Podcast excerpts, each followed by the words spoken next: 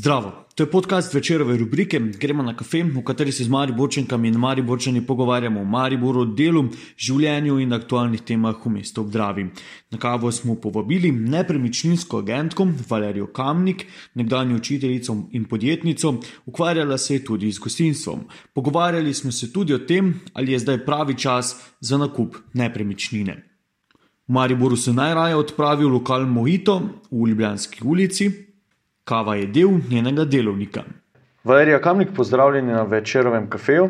Ja, zdravo. Hvala, ker nas gostite v Limbušu. Je to še Limbuš, ta del Maribor? Ja, seveda, to je Limbuš, ampak občina Maribor, nismo samostojni, če tudi smo kar uh, naseljeni gosto, ampak zaenkrat še ustrajamo v občini Maribor. Ja, lepo je tukaj, ne? vinograd v bližini, narava, zeleno. Um, zdaj v teh časih. Um, Je ja, najlepše biti na, na podeželju? E, absolutno. Ne. To korona krizo sigurno lažje prebolevamo ali preživljamo. Poleg tega imamo ogromno sprehajalnih poti, ki so zdaj postale zanimive tudi vsem že iz mesta, da prihaja bolj k nam. Pohor je itak tak vedno bilo zasedeno. Tako da ja, lepo je tu pri nas mogoče kakšna kanalizacija nam še manjka. S tem se, se kar ukvarjamo in prosimo in ustrajamo, ker so tu tudi večinoma novogradne, ne, to niso samo zdaj sta, stare, stare stavbe, ne, ampak je kar dosti priseljevanja. Uh, tako da nam bi to tudi pomenilo, da bi s te strani si tudi uredili in, infrastrukturo. Kako je pa zanimivo to območje, ker ste nepremičninska ja, agentka za. Je, zelo. Zelo je zanimivo. Okay. To je sigurno ena izmed lokacij, ki je najbolj atraktivna ali pa med najbolj atraktivnimi v okolici Maribora. Katere so še te, recimo, ki se lahko primerjajo? Z... Zdaj, gledajte, v bistvu je to pač vse odvisno od tega, kam se ljudje želijo priseljevati, eh, kaj jim nudi neka okolica. Tu v našem predelu je pomembno to, da je bližina centra mesta in mhm. vseh. Uh -huh pač teh inštitucij, ki jo potrebujemo, če tudi nimamo nekje, v bistvu smo vezani na avtobus ali na lastni prevoz. Zdaj hoče ali te druge predele okrog Maribora, brez stanica in to, tam je infrastruktura še bolj uh, raz, uh, razvita, ne? se še več dogaja v samem tem kraju. Uh, Meni je recimo kot nepremičninske agencije zanimivo to, da ni kamnica bolj uh, atraktivna, oziroma je bila, vsaj v preteklosti je bila, zdaj pa, pa niti se mi ne zdi, ne, tu, tu nimam odgovora na to. Uh -huh. Za kamnico sem presenečena, bi pričakovala, ker je res bližina uh, Maribora, uh, centra. Vse pa zna to seveda spremeniti, ko se bo Maribor tudi malo bolj širil. In, uh, bojo potem ta področja še bolj atraktivna. Pogostili ste nas kavo, tortico, uh, stisnjenim sokom. Hvala. Ja. Kava, kako pomembna je recimo za vas? Potem pa posledično tudi, kako pomembna je, recimo, če jo na kakšnem ogledu postrežete. ja, gledajte, vedno je kava je absolutno del našega dnevnika, vsakodnevnega. Glede na to, da sem v preteklosti delala, tudi smo imeli gostinski lokal. Uh, in smo se s kavo ukvarjali v gostinstvu, kasneje smo imeli neko obdobje celo kavne aparate. Uh, se, je kava je zelo pomembna v, v življenju ljudi, e, sigurno tudi jezik bolj razveže, pomeni to domačnost. Uh, Ne vem, ena dobrodošlica, sogovornikov ali družbe, in je vredno. Ko ljudje ja. kupujejo stanovanja, um, jih, zanim, mislim, jih zanima, ne vem, prema, pa ne vem, uh, prostori, kjer bi se upravljal ta obred pitja kave. Uh, Ma ne, ne. To, ni. to ni mogoče potem v kakšnem podpisu pogodbe, ali eh, da je to pomembno. Seveda, se, se, ko so bili gostinski lokali odprti, je to skoraj sodelo zraven, da se v podpisu pogodbe ali dogovoru, natančnem dogovoru poteka prodaja, nakupa, da smo se nekje usedli. Ni, bilo, ni to vedno bila nepremičnina, ki se je prodajala, eh, tudi ni bil limboš, ker je vseeno nekoliko odmaknjen eh, in so bili to večinoma pač gostinski lokali. Zdaj, zdaj seveda tega ni, eh, tudi delali nismo. Da, zdaj se šele nazaj privajamo po dolgem dopustu in bomo videli, kako bomo pač to vse, vse nekje pač znašli v tej situaciji, ki je sigurno nekaj nenavadna. Predvsem. Kam se vi radi odpravite na kavo, če se v Mariboru kam odpravite ja, na kavo?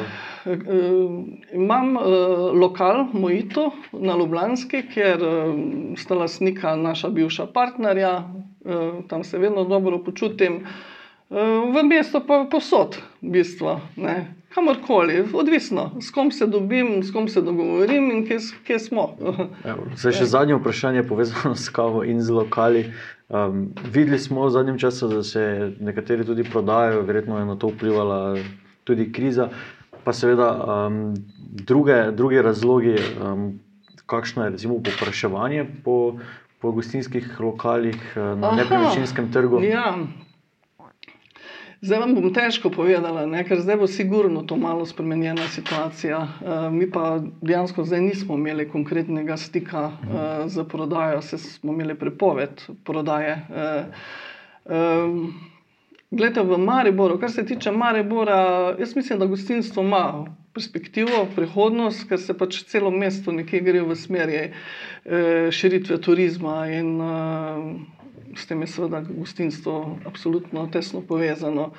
Eh, seveda, marsikdo bo zaradi teh eh, časov korona krize tudi. Mm, bankrotiral, kako naj to povem. Uh -huh. e, Marsikdo je izgubil um, voljo, ne? gostinstvo je en tak poseben poklic, ki ga moraš imeti rad, da ga lahko delaš. E, to je trdo delo, to lahko rečem iz prve roke. E, in tudi možno, da bo pa marsikdo obupal, in potem bodo ti gostinski lokali na voljo. Sama sem osebno sodelovala pri centru mesta, preprodaji oziroma oddaji v najem uh, te uh, Jurčičove. Takrat je pač za to bil zainteresiran kitajski investitor, ki se je kar, mislim, da dobro spopadal z, z to krizo, čeprav je točno padel v njo ne? in smo kar malo se bali, uh, kaj bo to pomenilo za, za ta posel. Um, tudi nekaj lokalov, ki so se prodajali. Glede, interes bo vedno, ne, med mladi, mladi kar iščejo, seveda pa so to pomembne lokacije, kar tako veste, pri nepremičninah, lokacija, lokacija, lokacija. Mhm. In da so atraktivne, da je pa zaslužek, pa povračilo teh vseh stroškov, ki jih ti moraš dati gostinstvu, če želiš, da boš uh, pač uh, uspešen. Da jih bodo lahko pač si povrnili, pa še kaj zaslužili, seveda. Do, do leta 2019, pa v letu 2019 smo um, pisali v večeru, ne, da so se nepremičnine, pač cene nepremičnin v Mariboru dvignile za 20, včasih celo 30 odstotkov. Zdaj, kako je v tem, teh, teh zadnjih letih s temi cenami, oziroma kdaj se bodo te cene umirile, so se že?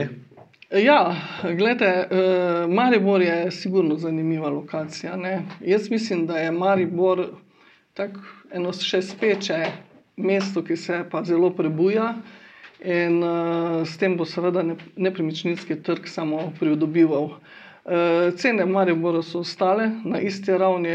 V bistvu bi lahko rekla, da na teh lokacijah, ki so pač posebej izpostavljene, center, kar se stanovanskih recimo, nepremičnin tiče, To je center mesta, absolutno. Eh, potem pobrežje pri Evroparku, tabor, ta blizu bolnice, eh, tudi ta naselja, Borova vas, eh, Ljubljanska, da tu jaz vsaj v tem letu, vsaj tem letu ne vidim nobenega strahu za upade cen, kvečemo še mogoče. Eh, da se lahko cene kaj spremenijo na vzgor. Eh, se pa absolutno, kje je zdaj končna cena za eno atraktivno stanovanje, je pa pomembno od prodaje, od posredovanja in interesa. Vi morate vedeti, da na koncu kupec neke nepremičnine je eden. Ne. Zdaj, če jaz oglašujem ceno, poskušam prodati ne vem, neko stanovanje po 1500, rabljeno po 1500 evrov kvadratni meter imamo zdaj nekje okrog 1420, nekje povprečje. Uh, je možno, da bom takega kupca našla. Zakaj? Ker je za, en, za eno stanovanje. Ker bo nekomu točno to stanovanje odgovarjalo, ker se mu ne bo dalo več iskati, ker je že prisko ne vem kaj, ne? ker bo stanovanje pravo. In potem mi ne moramo potem posploševati po enem stanovanju, da zdaj so pa vsa stanovanja rabljena vredna 1500 evrov. Uh -huh. Isto, ko ne moramo posploševati, da nekdo enostavno, recimo stanovanje, ki je sigurno eno najbolj iskanih stanovanj, uh, pač ki odgovarja širokemu krogu interesentov, ki ga je pač slabo prodal, da zdaj to pomeni, da je pač to, uh, to realna cena. Trg nepremičnin je strašno živahen in na njega vpliva marsikaj. Osebno menim, da v letu 2021 nekih velikih sprememb ne bo.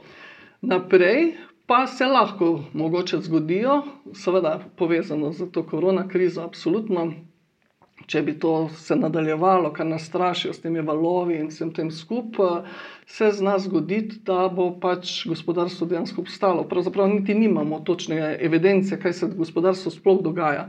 Mi vemo samo to, da je depozitov na bankah trenutno 24 milijard, kar je ogromna številka, da ti ljudje iščejo uh, zaradi nizke obrestne mere uh, neke naložbe in da so v Sloveniji nepremičnine še vedno ena izmed najbolj varnih in zaželenih naložb. Zato je dosti investicijskih uh, uh, nakupov nepremičnin. Uh, in popraševanje je veliko. Ta drugi del, pa, druga stvar, ki bi pa lahko vplivala, so pa seveda novogradne, ki prihajajo ne, in ki se zdaj. Uh, Mislim, da je v Mariboru tako uh, najbolj, uh, najbolj uh, trenutno največ se gradi, no, osebno se mi vsaj zdi, no, ker pač poznam to področje in to strani stanovanskega sklada, republiškega, pa strani zasebnih investitorjev.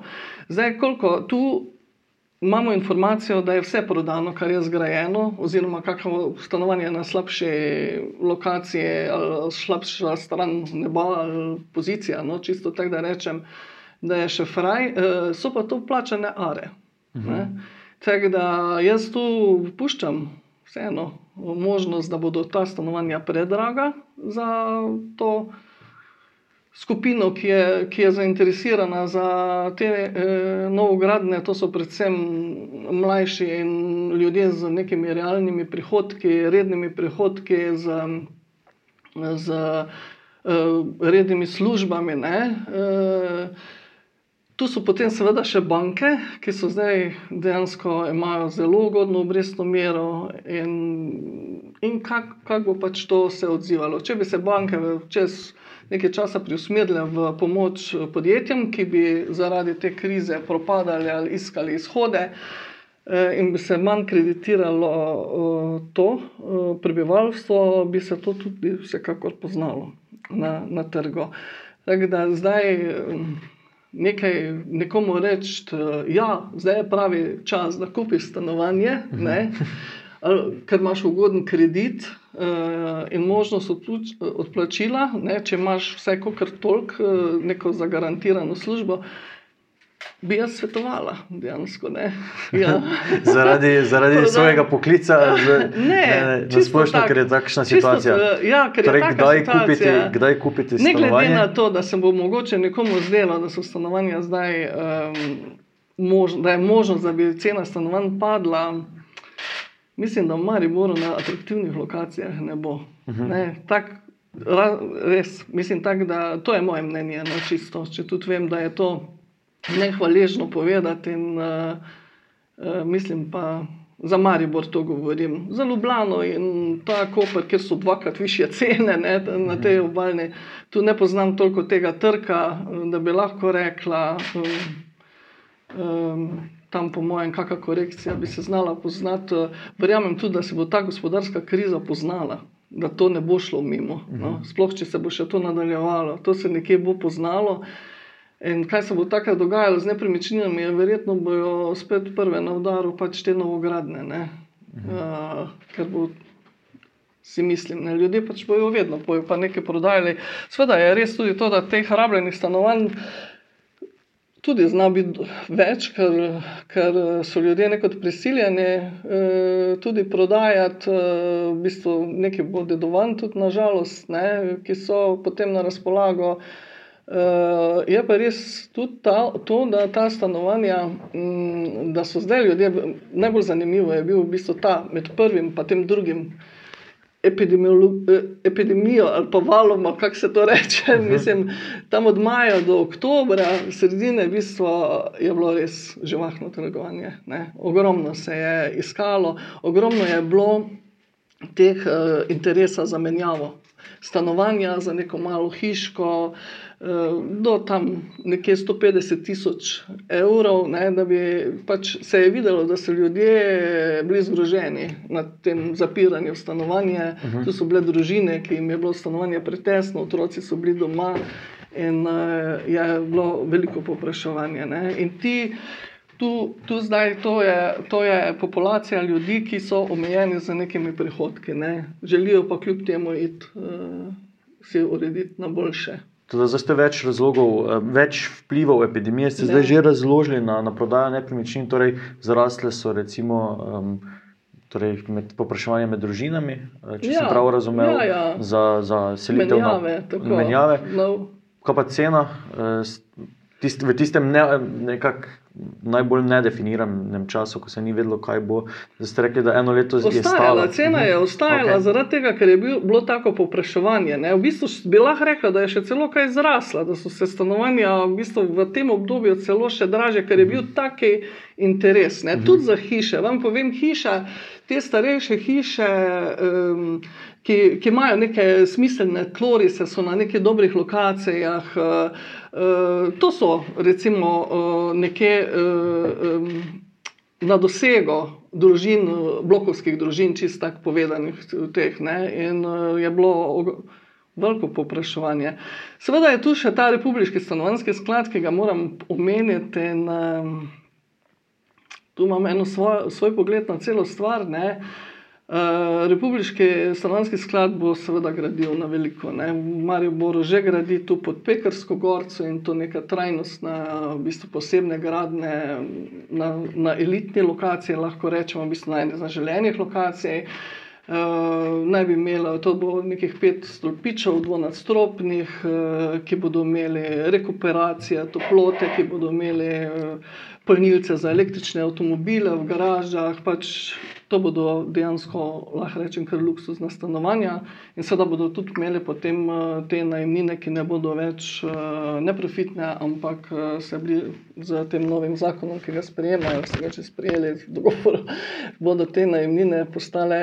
Uh, tržne, nekje približe k tržnim najemninam, s tem, da pač naj bi ta, ta populacija socialno, uh, pač ti, ki bi, ki bi potrebovali ta stanovanja in za, za katere naj bi bila dejansko ta stanovanja namenjena, naj bi potem se en del pač subvencionirala država. Uh, jaz bom tako rekla. Uh, Mislim, da je to ni prav pristop, da stanovanjski sklad bi lahko v prvi vrsti graditi čim več stanovanj, seveda normalno opremljenih na lokacijah, ki niso tako drage, ne, ki so cenejše, in omogočiti mladim, in ne to samo socialno ogroženim, ampak vsem mladim, ki končujejo šolo, ki se želijo samosvojiti, da lahko za neko prehodno obdobje. Uh, vsi najamejo stanovanje, še boljš pa kupijo. Mhm. Še bolj pa bi bilo, da bi se stanovanja tako gradila in se bi dala po neki solidni eh, ceni, primerni za mlade. To, ne, to je tudi bil, kot se jaz spomnim nazaj. Nisem več tako, mislim, sem, sem tistih letih, ko se spomnim, da je stanovanjski sklad je dejansko bil v osnovi namenjen gradnje stanovanj z, eh, z um, neko kupnino, z nekim ceno na kvadratni meter, ki je pač. Uh, blizu mladim. Ne. Zdaj se nam lahko zgodi, da bodo ta stanovanja, mislim, jaz bom to sigurno opazovala, ker mi je to uh, zanimivo, da bodo ta stanovanja res neka luksuzna stanovanja, um, namenjena za dolgoročno bivanje, kdo pa se bo izselil iz takega stanovanja. Uh, bo sicer bodo najemna stanovanja, um, kar tudi ne vem. Uh, je, nekje siljenja mladih, da živijo v najemnem razmerju, ko bi mogoče lahko si poskrbeli, pa živeli tudi v lastni nepremičnini. Uh, sigurno bi pričakovala, res, uh, pa tudi po drugi strani, res me zanima, no, kako bodo to peljali.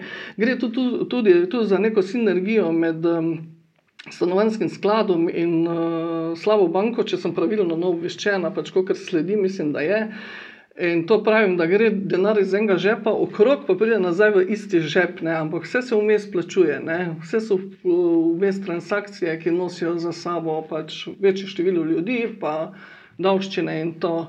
Uh, tudi to, uh, o slabi banki bi sploh povedala, da slaba banka je bila ustanovljena za nasedle projekte uh, teh naših bank in smo vsi pričakovali, da ko se bodo ti projekti nekje prodali, vse večini, da se bo slaba banka ukinila, ampak ne, slaba banka je velik igralec skupaj s stanovanskim skladom na nepremičninskem trgu. E, mislim, da me ne bi na robe razumeli, sigurno je prav, da država poskrbi. Za, za, za socialo, se to je njena osnovna moto, sociala, zdravstvo, šolstvo, izobraževanje, mhm. to bi mogla biti država. Ne? Ampak to je zdaj, to jaz mislim, da so pa to že tak, take posege v neko tržno gospodarstvo, eh, da je tu, eh, da je tu pač. Eh, da to je pa že potem neka nelojalna konkurenca, če ti z takimi vsotami denarja posegaš na trg nepremičnin, s tem se seveda tudi samo, sama zemljišča mogoče dvigujejo cene, oziroma jih investitorji ne morejo kupiti. Ne vem, glavnem pač tu si jaz malo drugače predstavljam to pomoč. Tem družinam ne, ali pa mladim. Eh, hočem povdariti, ne samo mladi socialni pomoč, bi bili potrebni vsi mladi, ki se, da nam ne bodo pobegnili v tujino, kar se nam dogaja, ne, eh, da odhajajo ti kadri vsi v tujino, In na koncu dejansko smo zato tudi ena izmed najstarejših populacij, ker z domci se pa radi selijo nazaj. Ne? To je tudi uh, mogoče zanimivo, da, uh, da pri nas uh, se zelo radi iz tujine z domci vračajo in tisti so tudi en izmed uh, interesentov za nakup nekih nepremičnin oziroma gradne ali nakup nekih nepremičnin za stara leta. Torej, poznate tudi vem, stik vem, tujih investitorjev ja. pri nas, mislim, ja. kaj je pa s temi, ja. kaj jih zanima, kaj kupujejo, zakaj ja. kupujejo tukaj.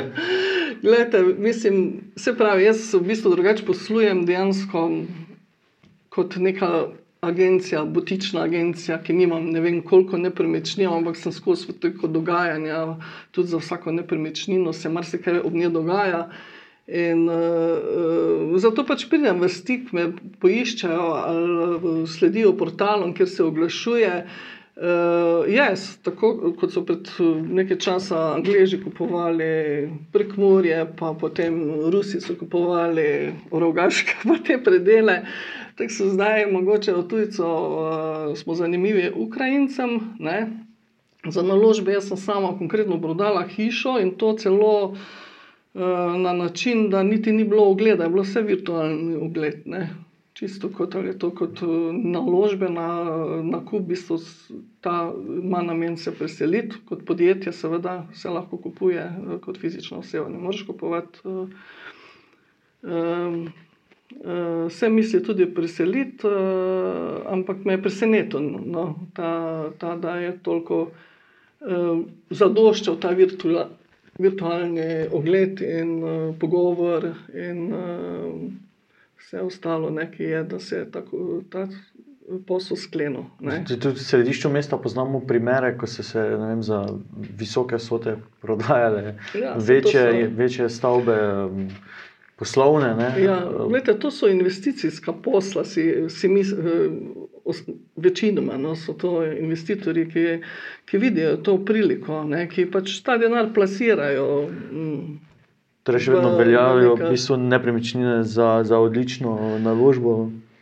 Za marsikoga. Za marsikoga dejansko je to otepljiva stvar, ne? na koncu konca zdaj celo ak res aktualna. Mislim, da zdaj, ko je kreditiranje zagotovljeno, so nizke obrestne mere, ko dejansko ne veš, kam bo šlo to življenje, ne? kam se bo to vse skupaj skristaliziralo, kaj bo to pomenilo. Je dejansko nakup nepremičnine, če nisi ravno za kakšne bitcoine, pa ta, ta tveganja ali ne vem, delniške trge, se mi zdi, da je nakup nepremičnine dobra stvar. Sploh pa v Mariboru, čisto pa ne delam ravno take reklame, da ne boste mislili, ne, tudi drugot po Sloveniji je krasno. Ampak Maribor ima potencial v prihodnosti, res ga ima. E, mislim, da se bo da je spal no? in da se je zbudil in da bo marsikaj eh, bolj zanimivega in bo marsikdo našel tu v Mariboru neko svoje mesto, ne samo za življenje, tudi za delo, za mm, dejavnosti. Ne, ki bodo tudi kako več turistov prihajalo, s tem bo seveda še več nepremičnin se tudi oddajalo najem za turistične namene in bo spet investicija uh, zanimiva. Popraševanje po čemu je največ ne staro, staro mehčansko stanovanje ali um, novogradnja na obrobju? E, Glede, tako vam bom jaz povedala, da ljudje, ki živijo v mestu ali so se rodili v mestu, tako so moje izkušnje, so recimo večinoma časa preživeli, se zelo težko izselijo iz mesta. Uh mhm. -huh tudi njihovi otroci, družine in vse, in oni ostajajo v mestu in jim pomenijo ta stanovanja v centru ogromno, uh, so jih pripravljeni tudi plačati. Uh, v centru Maribora seveda ni. Uh, Nekih novih stanovanj na razpolago, zdaj, če se bo kaj zgradilo, bomo videli tam pri Mislim, da tam pri Kneza Kocla, ne, tam se, se nekaj želi, kaj bo s tem objektom, v samem centru. E, pač, e, in v centru mesta pač bo vedno interesantno, tudi naložbeno, da se kupuje. Zato, ker veš, da v centru mesta ne bo nekih novih gradnj in ni prostora za, za ne vem kakšne odkritje res presenetljive gradne, zato je, so te vrednosti tudi ostajajo, oziroma se znajo še zvišati z vsem tem, kar sem vam prepovedala. Uh, obrobje pa ljudje se selijo tudi ven, ne? sploh družine. Se, tudi to se opaža, da iz mesta prodajajo stanovanje, pa se selijo predvsem ne v večja stanovanja, ampak dejansko si kupujejo uh, neke hiške. In zato je tudi uh, se prodajajo te hiške v redu, tudi te od investitorjev, te vrstne hišice, posamezne hišice, ki so pač cenovno nekje eh, v dosegu eh, ene populacije. No. Eh, eh drugače, seveda, tehtajo. Ne. Jaz, recimo, ko prodajam rabljeno nepremičnino. Eh, Vsak, ne, tako kot sem rekel, do 150 tisoč, recimo neka hiša, ki je pač da ima parcelo, ki je pač na lokaciji, tu je res lokacija, fez pomembna pri stanovanjskih hišah. In potem pa da je možnost neke prenove, in se že pridajo zgradbeniki, si preračunajo, koliko bo prišla obnova, uh, in potem začnejo tehtati, ali je to smiselno, da se lotimo uh, obnove ali je smiselno bolj kupiti novo. In me sprašujejo, ne? in to človek zelo težko. Jaz vsakega opozorim, da ko kupuje staro hišo, jo poznaš. Ne? Stara hiša je pokaže razpoke, pokaže vlago, tu nimaš, ne moreš ne vem kaj prikriti. Ampak ne poznaš pa, kaj vse boš mogel napraviti, ko bo začel obnavljati.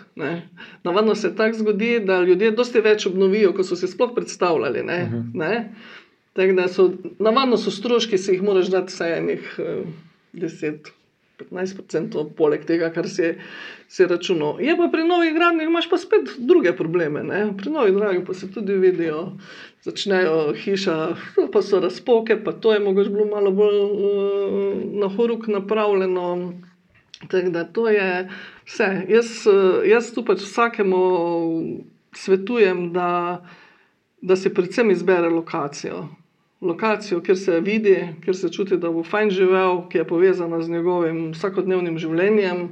Nesmiselno je recimo, živeti tu. Sem recimo, imela en primer, um, um, gospe, ki je prodajala stanovanje v centru mesta in smo iskali nadomestno stanovanje v centru mesta, seveda. Ne? In smo potem tekom pogovora, druženja, vsega, se pravi, tu je moj način dela je dejansko, da, da nekoga, ko sprejmem njegovo nepremičnino, sprejmem tudi njega in uh, smo v nekem v istem poslu, ne, se aktivno sodelujemo, jih aktivno seznanjam, kaj se dogaja, aktivno tudi njih spoznavam, da, da na koncu koncev.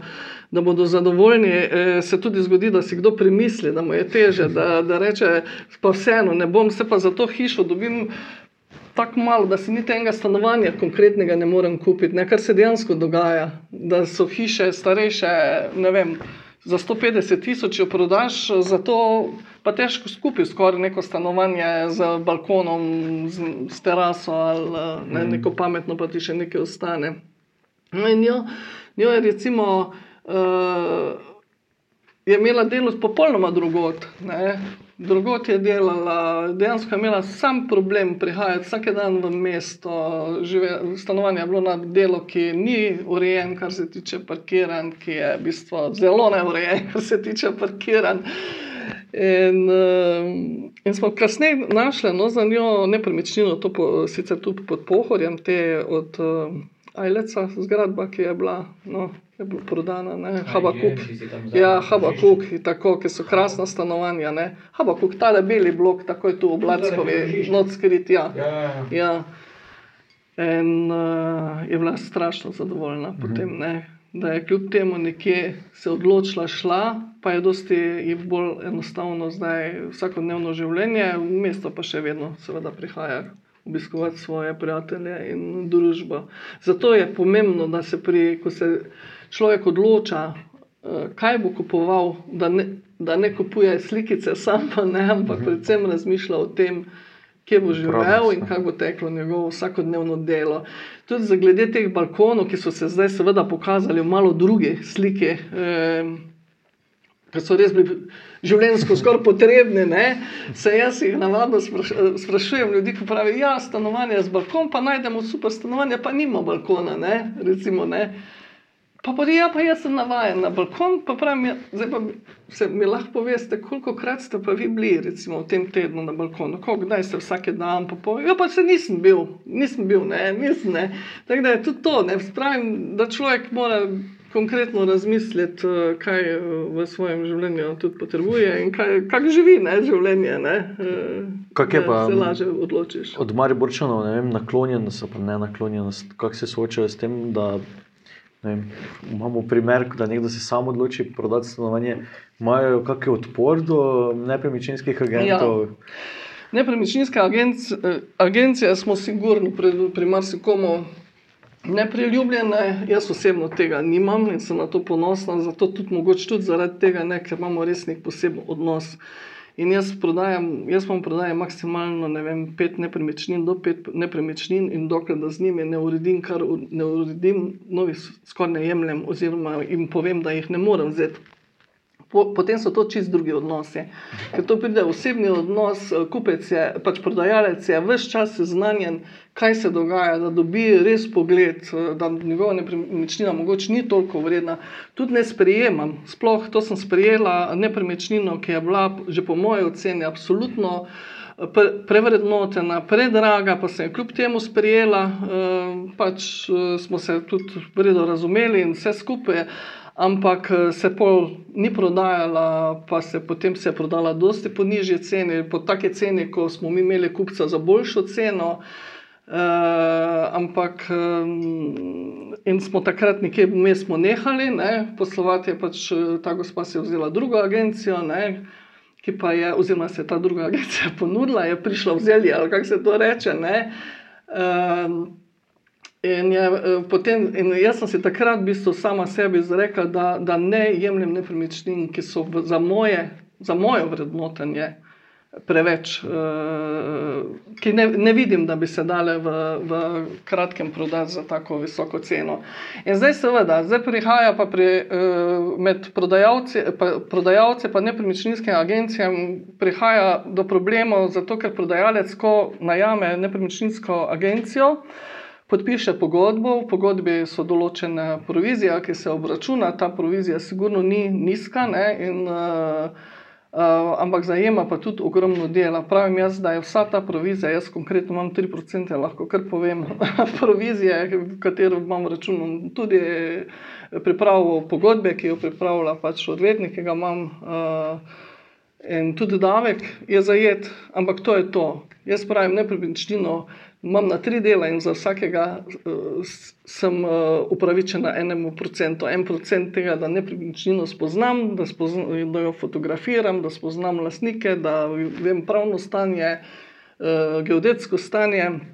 Drugo, da se potem uh, to oglašuje, uh, organizira sestanke, uh, odgovarja na maile, telefone, kontaktira. Jaz se včasih z kupci tudi po več pol uro pogovarjam, se, recimo, pa se pogovarjamo o marsikaj drugega, ne, ker, eh, ker pa želimo tudi predstaviti, pa tudi nekje videti, da, da, da je kupec ali je resno zainteresiran ali ga bolj zanima vse. In tretji del je potem tista sama prodaja ki pa je spet svoj postopek. Da, ljudje, ki se sami lotevajo prodaje nepremičnin, če imajo nepremičnino, ki bo hitro, pač je interesantna in tako, ne, da se proda, potem.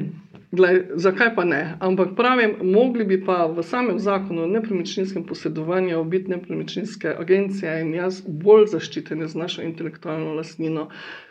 Uh, manj tistih, mi smo uh, sprejemali neki kodeks, uh, nekih poslovnih praks, neki je. Kaj je isto kot politiki? Lahko deset kodeksov podpišejo, pa ne vem, kaj podpiše. Če si človek, ki boš kršil kodeks, ga, ga boš kršil. Ja. Če si človek, ki to nisi, ga ne boš, ne rabiš imeti nič napisanega. Mm. Zato pravim, bolj bi pa mogli zaščititi, da bi recimo jaz bi uvedla ali neko enotni portal vseh nepremičnin, ker bi vsi nepremičninari dajali nepremičnine, seveda nekdo bi bil glavni, tisti, ki bi jo našel ne? in bi potem lahko vse nepremičnine med seboj preko tega portala sodelovali. To je en taki ameriški sistem. Uh, absolutno pa, da kolikor se neki lasnik nepremičnine odloči, da bo nepremičnino sam prodajal, naj jo prodajo. Kolikor naveže kontakt z agencijo in od nje pridobiva kakršno koli informacijo, je dolžen, da z agencijo sklene tudi posel ali stol s katero koli drugo, oziroma je pač plačal za to. Uh, to, to, da, to, da se pač kliče, pa reče, kaj misliš ti, koliko bi jaz za to dobo, ne, vse jaz normalno prijateljem poveš, pa tudi marsikomu povem, kljub temu, ne, mhm. povem, ne skrivam svojih informacij.